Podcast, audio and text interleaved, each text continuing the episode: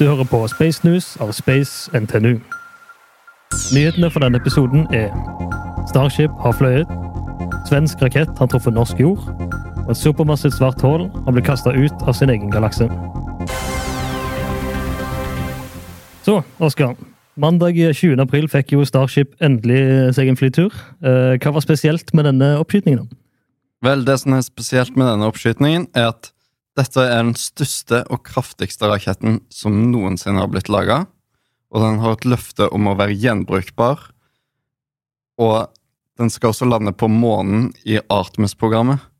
Veldig mye henger i denne raketten, Det og det er veldig mange som har gleda seg til denne oppskytningen. Mm. Så, eh, hva var formålet med denne testflygningen? da? Formålet var å teste så mye som mulig, men spoiler alert Starship sprengte før den kom til verdensrommet. Ja. De hadde egentlig en plan om hva som skulle skje hvis de kunne komme seg til verdensrommet. Da skulle Starship gå rundt i bane rundt jorda og lande utenfor Hawaii, så de fikk testa både landing og re-entry inn i atmosfæren ja. og alt det raketten skulle. Men i stedet så fikk de mest bare testa selve boosteren, den store raketten under som løfter Starship. Ja, De hadde planer for en mulig full test, altså. Men uh, Ja. det gikk det ikke helt sånn. Men det skal sies at uh, de hadde ikke store forventninger om, om at det faktisk skulle skje. Nei. Elon selv sa at det ville At det var 50-50 sjanse for at han skulle i det hele tatt ta av. Å ja. ja, men da, da er det jo stor suksess, da, egentlig. Eller eh, hvordan gikk det, sånn totalt sett? Vel, ok, la meg forklare hva som skjedde. Mm. Ved antenning så kom det en veldig stor støvsky, og betongbiter begynte å fly av gårde. Men så, etter sånn ti sekunder, den 120 meter høye 5000 tonn konstruksjonen som er Starship med superbooster, begynner å fly. Men du ser at tre motorer ikke funker med en gang. Oh, ja. Og i løpet av flyveturen så er det flere motorer som skrur seg av. Mm. Men han kommer seg opp til 37 km før han da har så mye som ikke funker, at han begynner å flippe over ende. Ja, altså fullstendig rotere? Han tar en salto. Han tar uh, baklengs salto Ja. og begynner å falle ned igjen. Og sprenger da 30 km over havet. ja. Hva var det som gjorde at han sprengte, da? Vel, når han begynte å flippe, så ble selvødeleggelsessystemet aktivert. Det tok litt tid før det tok effekt, Mm. fordi selvødeleggelsessystemet fungerer med at den slår noe hull og prøver å få drivstoffet til å reagere med hverandre. Ja, sånn små eksplosiver på De små eksplosivene utpå tanken Ja. sprenger, og prøver å få det inni tanken til å reagere med hverandre, så det sprenger ordentlig stort. mm. Interessant. Men uh, hva var det som gjorde at han begynte å flippe i utgangspunktet? Ja, det starta med at da tre av de 33 motorene uh, ikke funka med en gang, og flere og flere ga seg i løpet av flyturen. Det var også en liten eksplosjon eller flamme på sida som spekuleres i at det var hydraulikkpumpen som gikk eh, fyken. Ja. Og den hydraulikkpumpen trengs da til styring av motoren for å peke motoren i riktig retning. Så da har han da mista både motorkraft og noe styring? Ja, Ja. Og Starship er sånn at den har mye vinger og greier på toppen. Ja, stemmer det.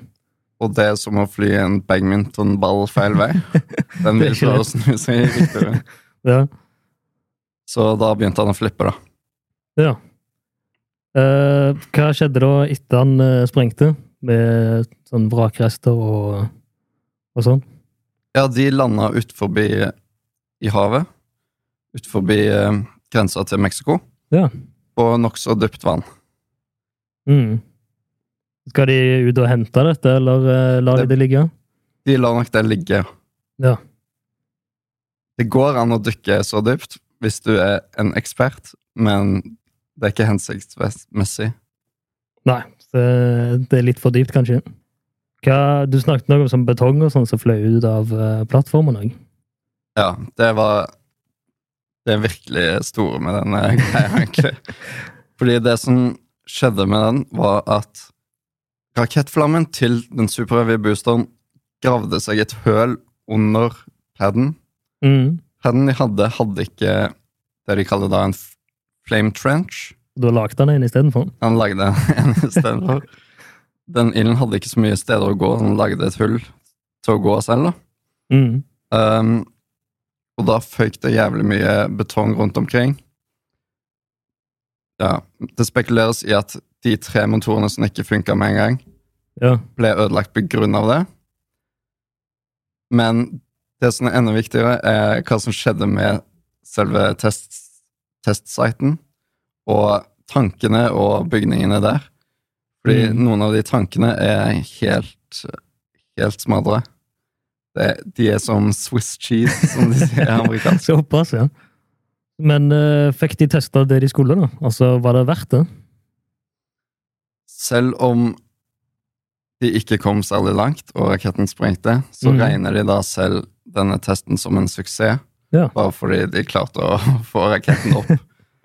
og det er ikke unormalt at en første test av en ordentlig rakett ikke går som det skal. Nei, det er nok ikke mange som får til det. Det, ja, det er nok bare NASA eller et par andre som får det til. Mm. Uh, men det som ikke er normalt, er at paden blir så ødelagt, da. Ja. Men hadde de gjort noe for å forhindre det? nå? Um, de hadde planer om å lage en uh, stålplate som var vannkjølt, Mm. og den var i produksjon, men den ville kommet to måneder senere, Oh, ja. og da gambla de på at det skulle gå bra, basert på en static fire de hadde tidligere. Men den static firen var da bare 50% thrust, som kanskje ikke var helt realistisk. Og en static fire, det Det er da at eh, raketten blir holdt fast, sånn at mm. den ikke tar av, og du bare fyrer av ra rakettmotorene for å teste om de funker. Ja, ok. Da visste de at, han, at han, eh, plattformen tålte det på 50% men eh, Ja. litt Men- usikkert med 100 ja, det virker sånn. Ja.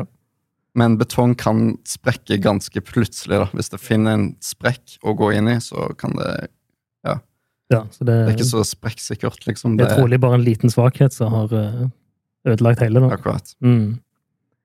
uh, kan man se for oss at neste gang blir? da? Elon Musk selv tweeta at det vil ta kun to måneder, men vi vet at eh, tidene han sier, ikke stemmer.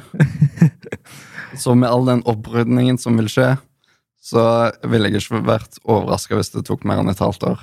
Ja, så det, det kan bli litt mer enn to måneder, kanskje. Ja, Det kan det. Men eh, hva skjedde med den svenske raketten, da? Det som skjedde med denne raketten, er at av uante årsaker så landet denne raketten 40 km vest fra planlagt område, som var i Sverige. da. I stedet så landet han 15 km inn i Norge via ja. fallskjerm. Det er fort litt uh, dårlig stemning. Ja, det er litt uh, overraskende iallfall å få en rakett inn i landet sitt når du ikke visste om det. Ja. Men uh, når og hvor skjedde dette? Raketten landa mandag 24. april klokken 17.20 i Målselv i Troms, på et fjell som var 1000, 1000 meter over havet. Ja, Så eh, ikke i nærheten av et tettsted eller noe sånt? da? Eh, overraskende nok så var det et tettsted innenfor 10 km av det stedet, da. Oh, ja. Eh, som er litt farlig nærme. ja. Og Sverige fikk mye kritikk fra vår utenriksminister om at kommunikasjon skjedde ikke gjennom riktige kanaler, og dette kunne vært farlig, og det kunne vært et fly der, Ja, det kunne jo det kunne jo eller noen på tur. Mm. Um, så det jeg syns var rart, er at uh, det ikke var noen systemer der for å stoppe motoren til raketten når de så at den kunne gå så langt ut av kurs. da. Ja, for det er vel vanlig å ha noe som avbryter alt hvis han uh, Ja, går for langt ut av kurs. iallfall på større raketter. Mm. Jeg vet ikke helt hvor den grensa går når du føler deg trygg på det, liksom. Men ja, det burde vært noe her, føler Ja, absolutt. Men eh, hva var formålet med denne raketten? Eh, Så denne raketten gikk til en høyde på 250 km for å teste mer effektive solceller og utføre vektløse eksperimenter som involverte da et nytt karbonfritt brensel. Ja, interessant. Så det var en forskningsrakett, Mm. rett og slett. Hva størrelse hadde den? Cirka? Så payloaden, ja, eksperimentene og så videre, Mm. og det siste stadiet av raketten til sammen, det, som, det var det som landa i Norge, det veide 387 kilogram. Ja, såpass, ja. Og hele raketten før den ble skutt opp, veide 1263 kilogram. Ja. Men det resterende det landa i, i Sverige, det nå? Ja, det Ja. det. Mm. Uh, og hvor i Sverige kom han fra? Ja, så Sverige har et eget romsenter som heter S-Range, og det er ganske sammenlignbart med Andøya. Ja, Um, hvordan sammenlignbart da? Begge pleide å være et test, en testplattform for militære raketter, og nå bygges de om til å kunne skyte opp satellitter, da, begge to, Ja. i polar bane. Så begge to skal skyte opp mot nord.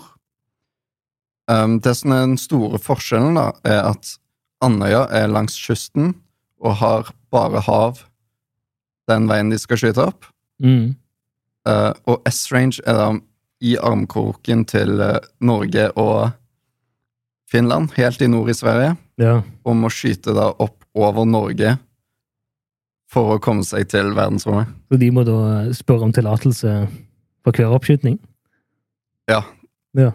Det må de nok. Og, men det er litt eh, ugunstig, da, fordi Ja. Fra Andøya så kan du jo gi beskjed at alle båter må flytte seg, og alle fly, fly kan ikke dra dit. Mm. Men du kan ikke be hus da om å flytte seg hvis det er noen Nei, hus eller hytter oppe der. det blir litt vanskelig. Men det er forhåpentligvis øde nok. Ja.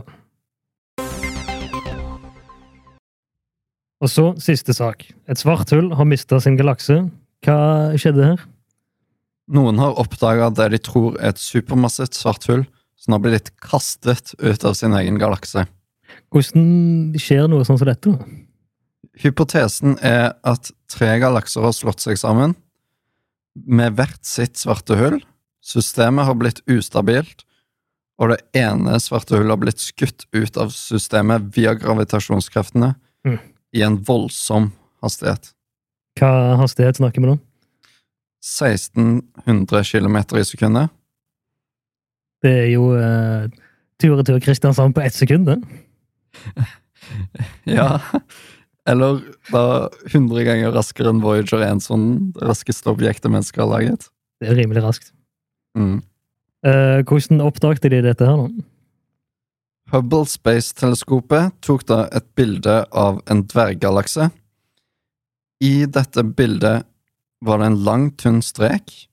Van Dockham og Cooperators så på denne streken og så at lyset hadde mye energi og som tyda på stjerneformasjon. De bekrefta at det ikke var et feil med bildet, eh, fordi streken var i flere bilder med flere spektere, og det var ikke gravitasjonslenset fordi streken ikke var kurva. Ja, Så de er sikre på at dette er Ja, det noe er sånn faktisk, faktisk, og er, ikke bare en, en illusjon av noe slag? ja, det er sånn de er sikre, da. Mm. Og så fant de da en galakse som var i linje med streken, Ja. i samme avstand fra jorda, ja. som de mener hørte til, da. Men uh, hva skjedde med de to andre svarte hullene? Ifølge hypotesen ble de enten, enten kasta ut i motsatt retning, eller så er de fortsatt i galaksen, da. Oh, ja. Men de har ikke sett den sterke strålingen som kommer fra accretion-disken til det svarte hullet, Mm. så de vet ikke hvor noen av disse svarte hullene er. Eh, men hva blir da stegene videre for å altså, finne ut mer? Det blir da å ta bilder i røntgenstråling for å prøve å finne den accretion-disken, eller se på det via James Webb, for eksempel, i infrarød stråling. I tilfelle det er støv, så, støv da, som blokkerer denne strålingen. Ja. Eh, Men hva vil da skje med denne galaksen som ikke har et svart hull lenger? Vel, ifølge våre gravitasjonsteorier så vil det skje overraskende lite. Mesteparten av massen i en galakse og systemet der er egentlig uavhengig av det svarte hullet. Men hvis det da stemmer at denne galaksen ikke har svarte hull inni, så får vi da bekrefta eller avkrefta om det stemmer. Ja, så det blir en sånn uh, første, første gang-type Ja, på det. Ja, dette er første gang vi har sett det, da. spennende. Hvis det stemmer. Men uh, det var det vi hadde for nå. Du hørte på Space News med meg, Simen Sigvaldsen. Og meg, Oskar Arne. Kom tilbake etter sommeren for mer Space-oppdateringer.